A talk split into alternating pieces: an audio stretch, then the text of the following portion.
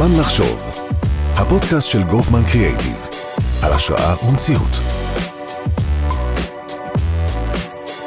שלום לכל המאזינים, אנחנו בפרק חדש של הפודקאסט זמן לחשוב של גופמן קריאייטיב, והיום אנחנו מארחים את מנכ"ל בית החולים רפאל רון משה.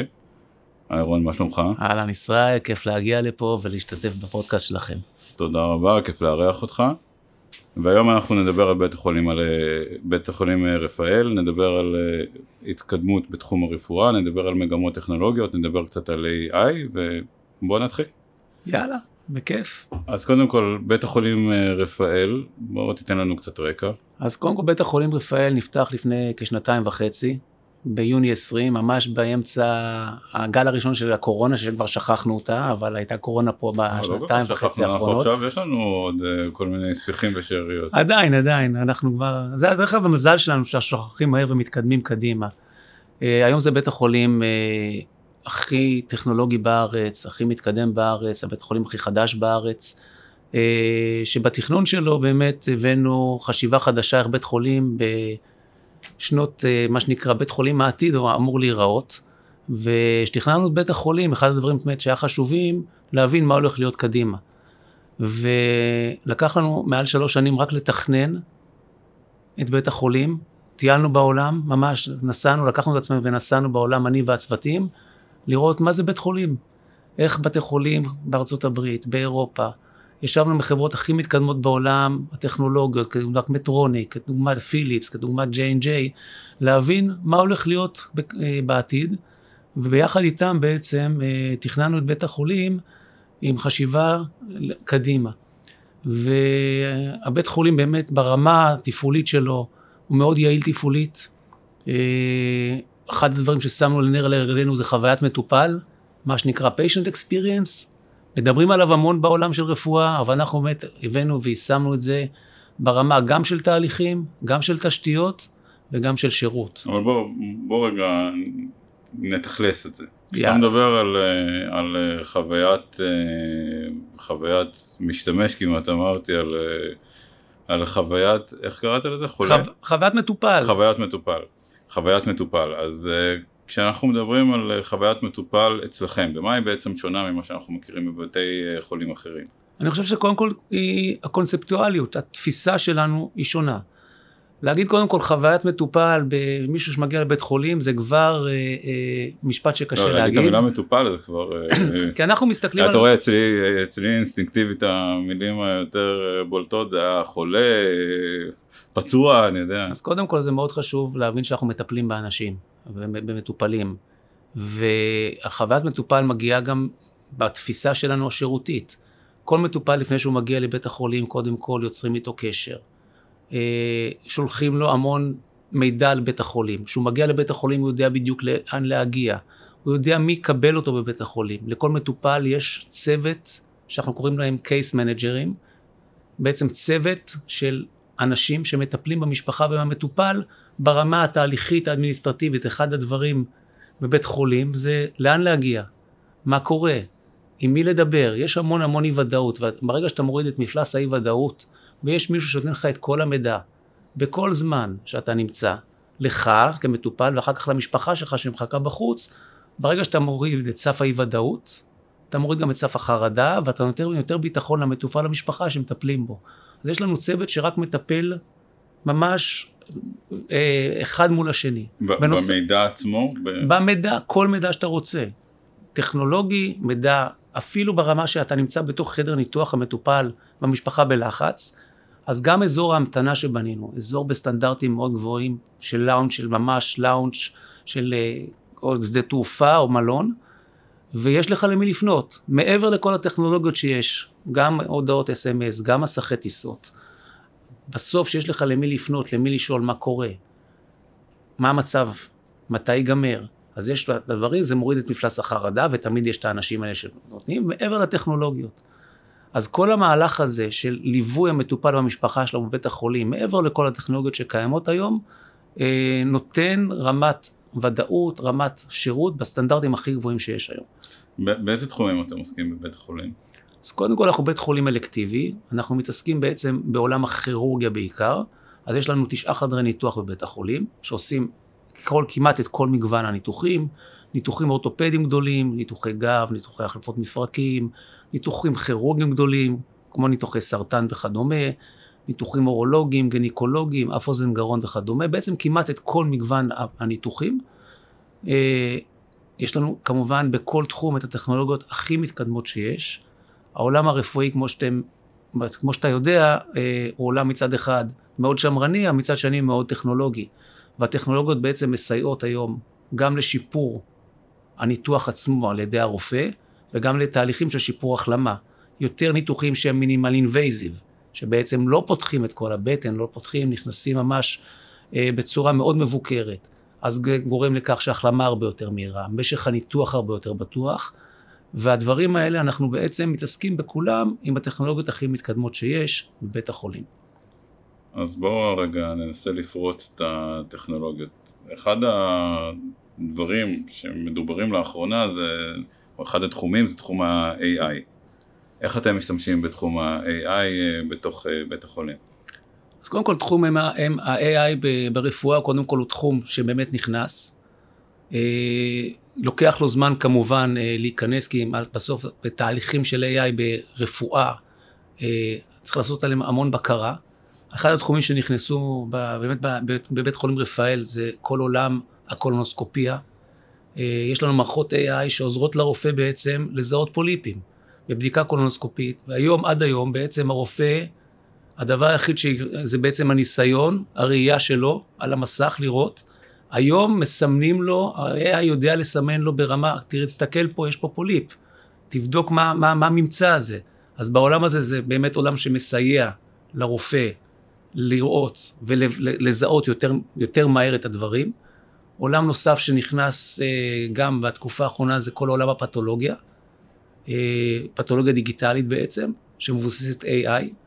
אה, עוד פעם, זה כל התהליכים האלה עדיין ברמה שמסייעים לרופא. שזה מה זה אומר? בעצם ה-AI מסייע בזיהוי הגידול? כן, בעצם יודע לזהות תמונה. אתה יודע, ה-AI נכנס בעולם של פענוחים, בעולם הרנטגן, בעולם ה-CT, בעולם ה-MRI נכנס, ובסוף, ולפי התמונה יודעים לזהות, אוקיי, תסתכל אם יש פה גידול, עדיין הרופא יעבור, עדיין הרופא יראה, אבל זה מסייע לרופא לאיפה להסתכל, איפה לראות, ובעצם לקבל אה, רמת דיוק הרבה הרבה יותר גבוהה בפענוחים שלהם.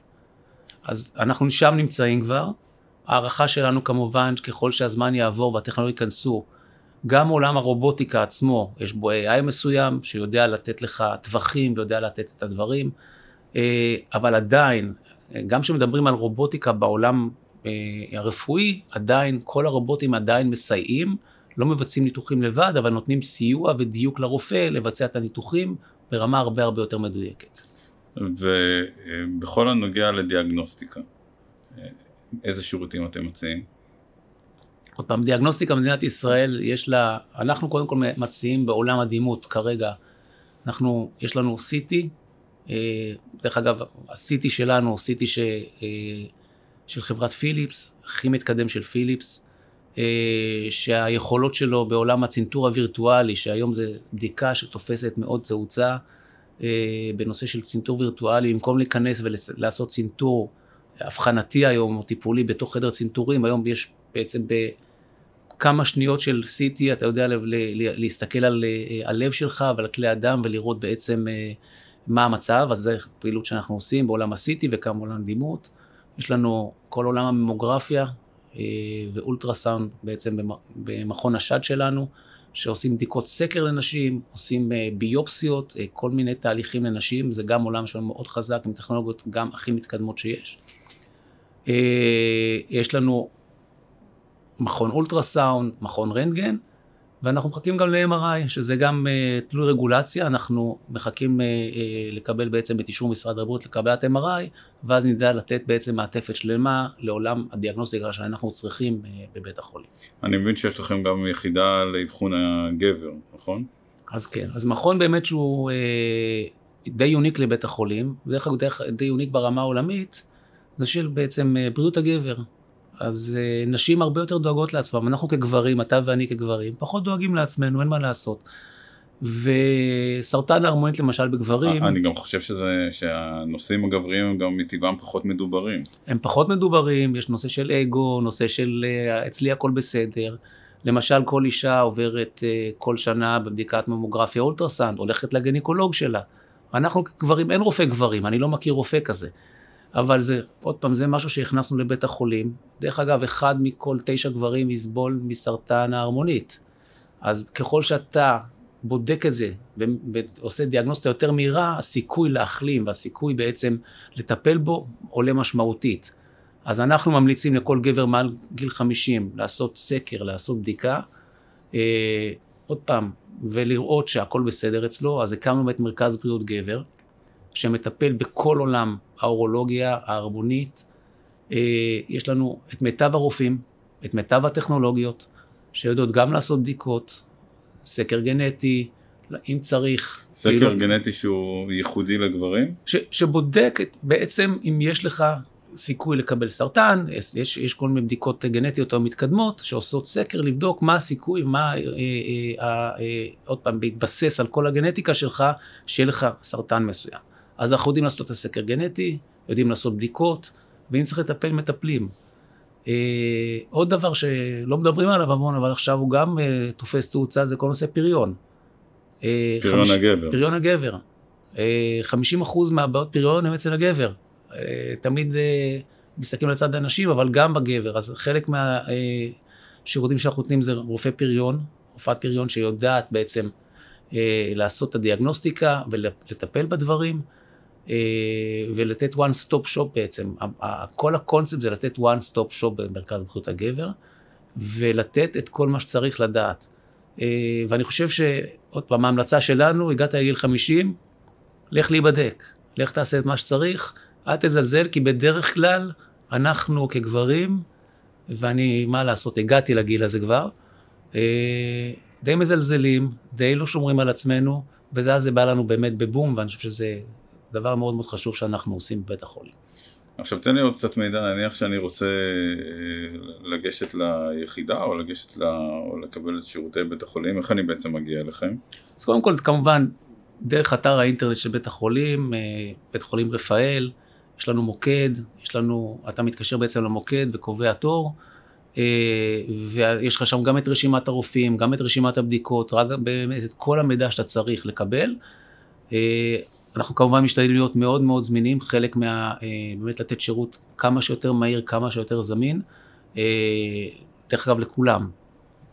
אה, אז קודם כל, זה, הדרך הכי טובה שאני ממליץ עליה פשוט.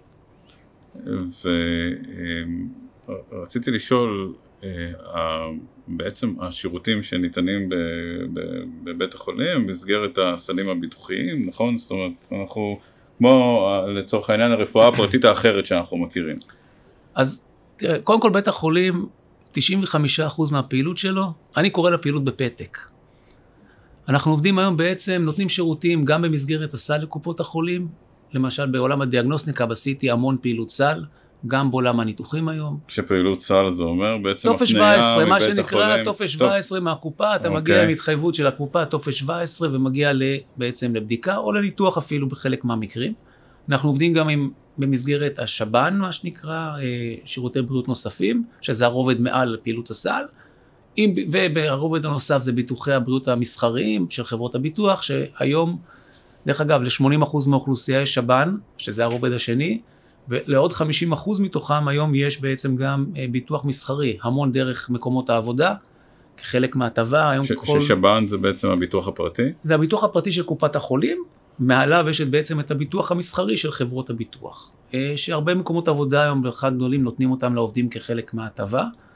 אה, ואתה יכול להגיע בעצם, רוב המטופלים שמגיעים לבדיקות, לניתוחים, או שמקבלים את ההתחייבות, או שמקבלים אחר כך החזר, ורק חמישה אחוז מהפעילות היא פעילות ש...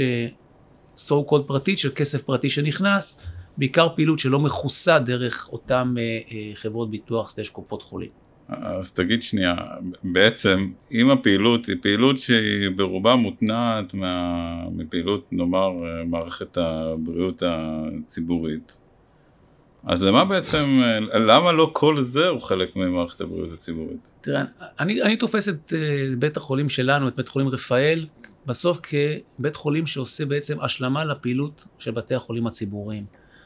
אה, אסור לשכוח שבסוף זו מערכת שמשלימה.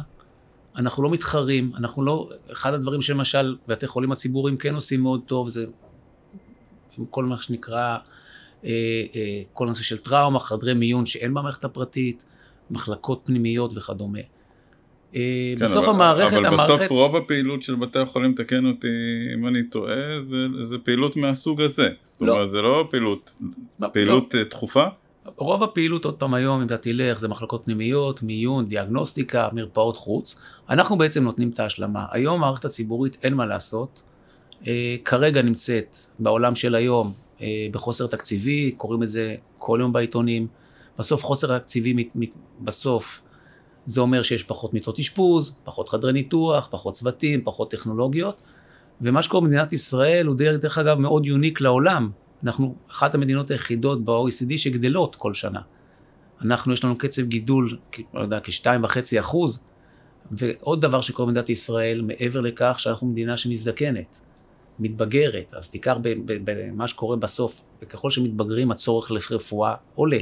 אז בעצם אנחנו מעין פילטר, או מה שתקרא לזה, אה, נותן ל- ל- ונטיל למערכת הציבורית, שבעצם נותן את היכולת לטפל בעוד מטופלים.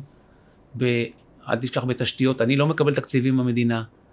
כל התשתיות, כל הבינוי של בית החולים, בעצם ההשקעות של כסף כן, פרטי. אני אגיד לך, אבל יש משהו מאוד אה, מתסכל בזה שאתה כאזרח אה, משלם אה, לקופות החולים, אתה משלם אה, מהמשכורת אה, ביטוח, אה, לא ביטוח, אה, מיסוי, מיסוי, מס בריאות, ובסופו של דבר, ברגע האמת, בדברים שאתה צריך, אמיתית, מעבר לווירוס פה ווירוס שם, אתה פונה למערכת, ה... למערכת הפרטית. אני חושב קודם כל שיש לנו מערכת ציבורית מצוינת, שבסוף מתנהלת אה, אה, בצורה באמת, אם אתה מסתכל על צורה הירואית, בנושא של תקציבים שיש לה ובנושא של המשימות שיש לה, אני חושב שבקורונה היא הוכיחה את עצמה לעילה ולעילה, גם קופות החולים, גם בקהילה וגם בתי החולים הציבוריים.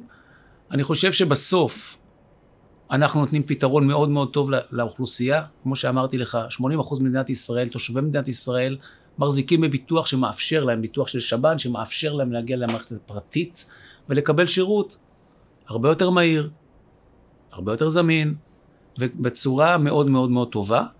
אה, וזה המודל כרגע בישראל, ובסוף זה כסף, זה תקציבים. אה, ואנחנו היום גם, כמו שאמרתי, נותנים הרבה פעילות שהיא פעילות סל. זה אומר שאתה לא צריך, אתה יכול להגיע גם לבתי חולים פרטיים, דרך אותו, אמרת, אני משלם מס בריאות דרך השכר, גם דרך אותו מס בריאות ולהגיע לרפאל ולקבל שירותים נוספים. אז אנחנו עושים אדפטציה, אנחנו רואים את עצמנו כמערכת משלימה, וכוונטיל הרבה פעמים במערכת אה, הציבורית. אתה הזכרת קודם את הנושא של הזדקנות האוכלוסייה ו... ואת הגידול הטבעי שיש פה. תגיד, כשמסתכלים פה על המערכות, גם על ה...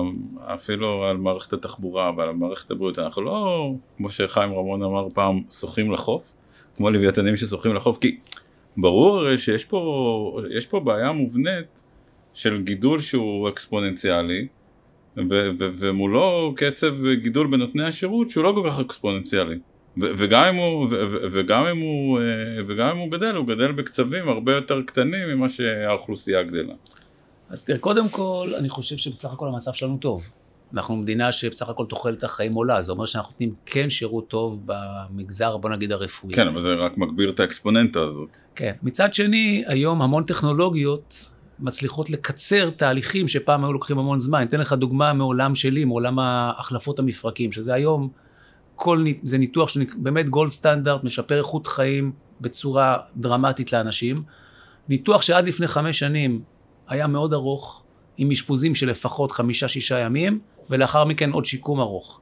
היום בזכות טכנולוגיה, הכנסנו מערכות רובוטיות, לבית חולים רפאל יש מערכת של חברת Stryker בשם Mako, שבעצם זה רובוט שמסייע למנתח לעשות את הניתוח. הניתוח התקצר, זמן אשפוז ממוצע 24 שעות, ואחר כך המטופל הולך בעצם הביתה. אז כל התהליכים של. הכנסת טכנולוגיות, הכנסת שיטות עבודה, בעצם נותנות על אותו הפלטפורמה יכולת לבצע הרבה יותר פעילות. ואני חושב שזה דברים שהטכנולוגיה מכניסה, שיטות עבודה מכניסות, ואז אתה מצליח בעצם לפתור את הדברים.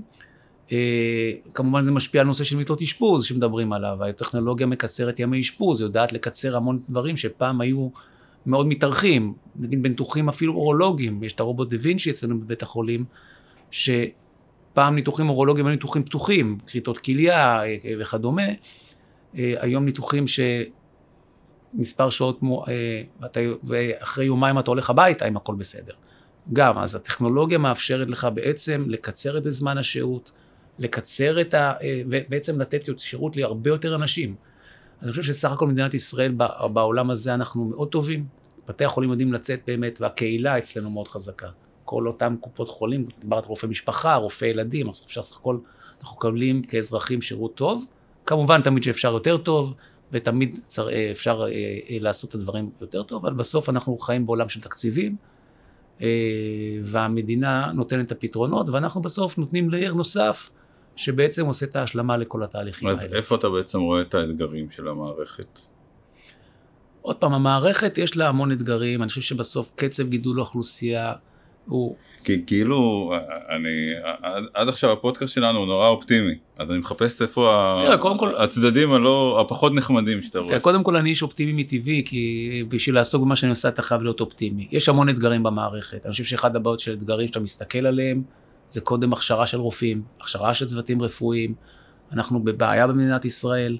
אני חושב שאחד הדברים שנתנו לנו לפחות בעשורים האחרונים את אותו בוסט של רופאים, זה גם העלייה בשנות ה-90 ממזרח אירופה שהביאה לפה המון כוח איכותי, כוח אנושי איכותי, הרבה רופאים שמתחילים להזדקן כבר. ואחת הבעיות שיש לנו פה זה באמת הכשרה של רופאים, אז אני יודע שיש מיזמים להקים עכשיו, למשל באוניברסיטת רייכמן, בית ספר לרפואה, ויש לזה התנגדויות מסוימות, מ... שאני, אותם אני לא מבין אותם התנגדויות, כי בסוף אנחנו רוצים שיהיה כאן יותר רופאים. אנחנו רוצים שיהיה כאן יותר שדות קליניים, אנחנו רוצים שיהיו יותר מקצועיים. אה, אז אני חושב שבסוף אחת הבעיות היום בעולם שלנו זה כוח אדם, אה, כוח אדם איכותי, גם אחים, אחיות, אה, גם עולם המרדימים והרופאים. אני חושב שזה אתגר, ואני חושב שמדינת ישראל צריכה להסתכל על זה ולראות איך מכשירים יותר, ואיך מביאים לפה יותר כוח אדם איכותי. וכשאתה מסתכל על בית החולים שלך, על אה, בית חולים אה, רפאל, איך אתה רואה את ההתקדמות שלו בעתיד, איך אתה רואה את האתגרים הניהוליים שיש בו? אז קודם כל המערכת, אני אומר עוד פעם, כמו שאמרתי, אני רואה את המערכת שלי כאומנם מערכת פרטית, אבל נותנת שירות בסוף ציבורי לחלוטין. האתגרים כל הזמן, אני חושב, כמו כל עסק, קודם כל אתה חייב להיות כל הזמן להסתכל קדימה ולראות מה הולך להיות, איזה טכנולוגיות, מה, איזה פיתוחים, איזה דברים מהעולם אתה רוצה להביא למדינת ישראל, בשביל קודם כל למצב את בית החולים כבאמת כזה שהוא מאוד טכנולוגי, מאוד שירותי. חלק מהחזון שלנו זה להיות שם, והחזון שלנו באמת שאנחנו נהיה הבחירה של המטופלים, שהמטופלים ירצו להגיע, שזה מרכז המצוינות שלהם. כדוגמה שאמרתי לך, הנושא של בריאות הגבר, כל נושא של גילוי מוקדם של סרטן. אנחנו בונים להיות באמת אה, מה שנקרא מרכז מצוינות בנושאים האלה. אה, אז זה אתגרים שאנחנו כל הזמן עובדים עליהם. כל הזמן להסתכל קדימה, לפתח את בית החולים. אה, לשמור על הסטנדרטים שאנחנו שמנו לנגד עינינו, ואני חושב שאנחנו עושים את זה בצורה מצוינת, אה, גם ברמה הרפואית, שזה אין מה לעשות, גם ברמה השירותית, גם ברמה הטכנולוגית, ואנחנו כל הזמן שם. אה, אחד הדברים שאנחנו עושים בבית החולים זה עולם של אה, אה, מה שנקרא מחקרים קליניים. אנחנו נמצאים, יש לנו היום ועדת אלסינקי, שזה באמת, זה בעצם נותן אפשרות לבצע מחקרים בבית החולים. אנחנו מקדמים גם את הנושא של טכנולוגיות ישראליות. אז עכשיו יש לנו חברה ישראלית שבעצם עושה אצלנו מחקר קליני בשם בטרפליי, שזה בעצם סטנט אורולוגי שאמור לשפר באופן דרמטי את הטיפולים בנושא של הרמונית. אז אנחנו גם מכניסים טכנולוגיות כאלה, אה, עושים שיתופי פעולה עם כל מיני חממות פה, להסתכל על טכנולוגיות העתיד, לחשוב ביחד, נושא של רפואה מרחוק, נושא של AI שדיברנו עליו קודם, אני חושב ששם אנחנו רוצים להיות, אה, וכל הזמן להסתכל מה קורה. וזה אחד האתגרים החשובים. אה, כמובן, אה, הנושא של הכשרת צוותים, אני חושב שזה גם משהו שאנחנו עושים כל הזמן, הכשרת דור העתיד של רופאים, הכשרת דור העתיד של אה, אחים ואחיות, שזה מקצועות שכל אה, הזמן במחסור, ואתה מסתכל קדימה, אה, אם לא נעשה שינוי בחשיבה, ברמה, דרך אגב ברמה הלאומית, לא ברמה של רפאל, אה, אנחנו נמצא את עצמנו אה, במצב לא, לא, לא, לא מדהים. אז זה החלק הפסימי של הפודקאסט שלנו. רון, אנחנו מתקרבים uh, לסיום, אבל יש שאלה אחת שמדגדגת אותי לאורך כל הפודקאסט ועד עכשיו לא שאלתי, וזה הזמן לשאול, אתה רואה חשבון. איך? איך אני רואה חשבון? לא, איך אתה רואה חשבון אני יודע, כאילו זה, ומסיימים ועושים פרקטיקה, אבל איך התגלגלת לתחום הזה, ותחום הרפואה הרי תחום אה, שמרני מיסודו. אז קודם כל אני התגלגלתי לתחום הזה באמת בטעות לפני כ-15 שנה, שהגעתי אה, להיות סמנכ"ל כספים ונציג הבעלים בהרצליה Medical Center, והתאהבתי בתחום, תחום מאוד מרתק. ועולם הרפואה, בעולם, בעיקר במסגרת הרפואה הפרטית, הוא גם עסק, עסק תפעולי, עסק כלכלי, ובסוף אני התגלגלתי לכך. דרך אגב, בארצות הברית זה מאוד שכיח, שמנכ"ל של בית חולים, שמנהל את האופרציה העסקית, הוא לא רופא. אה, ואצלנו בבית החולים יש הפרדה מוחלטת בין הניהול הרפואי לניהול הכלכלי של בית החולים. זה אומר שיש לי מנהל רפואי שמנהל את בית החולים, יש לנו צוות סיעודי שיודע לתפעל את כל הפעילות הבית חולים בפעילות התפעולית, אבל כל הפעילות הכלכלית, העסקית, שיתופי הפעולה, הפיתוח העסקי בעצם, זה אחריות בעצם ש- שלי כמנכ"ל עם הצוות האדמיניסטרטיבי שלי, אה, וזה מודל שעובד, כי בסוף אנחנו מנהלים עסק כלכלי, אה, שבסוף הדברים הם כמו כל עסק אחר. אה, ועוד פעם, התפיסה הזאת, דרך אגב, אני לא המנכ"ל היחיד במדינת ישראל שהוא לא רופא. רוב המנכ"לים עדיין הם רופאים. אה, דרך אגב, אפילו מנכ"ל משרד הבריאות, משה בר סימנטוב, שעכשיו הגיע אה, בעצם סבב שני, הוא גם לא רופא. והוא עושה עבודה מצוינת. אני יכול, לא, הוא כלכלן נדמה לי. כלכלן, כן. אבל עדיין לא רופא. נער אוצר. אה, הוא מהאוצר הגיע, נער האוצר, כן, כן, זה נשמע פחות טוב, אבל כן, אבל הוא איש אה, שבסוף אה, גם במגפת הקורונה התחיל אותה כמנכ"ל, עשה עבודה מצוינת, חוזר עכשיו באמת לסבב שני, ואני חושב שזה גם אני, היה... אם אני זוכר, גם במקרה שלו, המינוי לא היה טריוויאלי. לא היה טריוויאלי לחלוטין, הוא בעצם המנכ"ל הראשון של משרד הבריאות שלו, היה רופא, היחיד דרך אגב. ועובדה שהוא חזר לסבב שני, כי בסוף הבינו שבשביל לנהל משרד או למנהל בית חולים, לא חייבים להיות רופא, אבל חייבים להיות איש מקצוע. אה, ואני חושב שבסוף זה חלק מחשיבה ותפיסה שהיא באמת מיוחדת. אה, וזה לדעתי, עוד פעם, גם משפר את התפעול של בית החולים, גם ברמה השירותית, גם ברמה התפעולית, גם ברמה הכלכלית שלו, ונותן לרופאים בעצם לנהל בעצם את כל הפן הרפואי, שהוא בסוף הפן החשוב, בנושא של בטיחות מטופל, בנושא של טכנולוגיות, בנושא של ציוד, בנושא של תהליכים אה, בבית החולים. אז מהצד שלי זה עובד מצוין, ואני חושב שזה מבורך, אה, ורק שימשיך כך. רון, אני מאוד מודה לך על הזמן שהקדשת לנו. היה לי כיף לשוחח איתך, גם אם דיברנו קצת על נושאים פחות נעימים ובריאות הגבר וכל מיני כאלה. ולמאזינים, תודה רבה שהייתם איתנו, ונשמח שתחזרו אלינו בפרקים הבאים של הפודקאסט זמן לחשוב. להתראות. תודה רבה.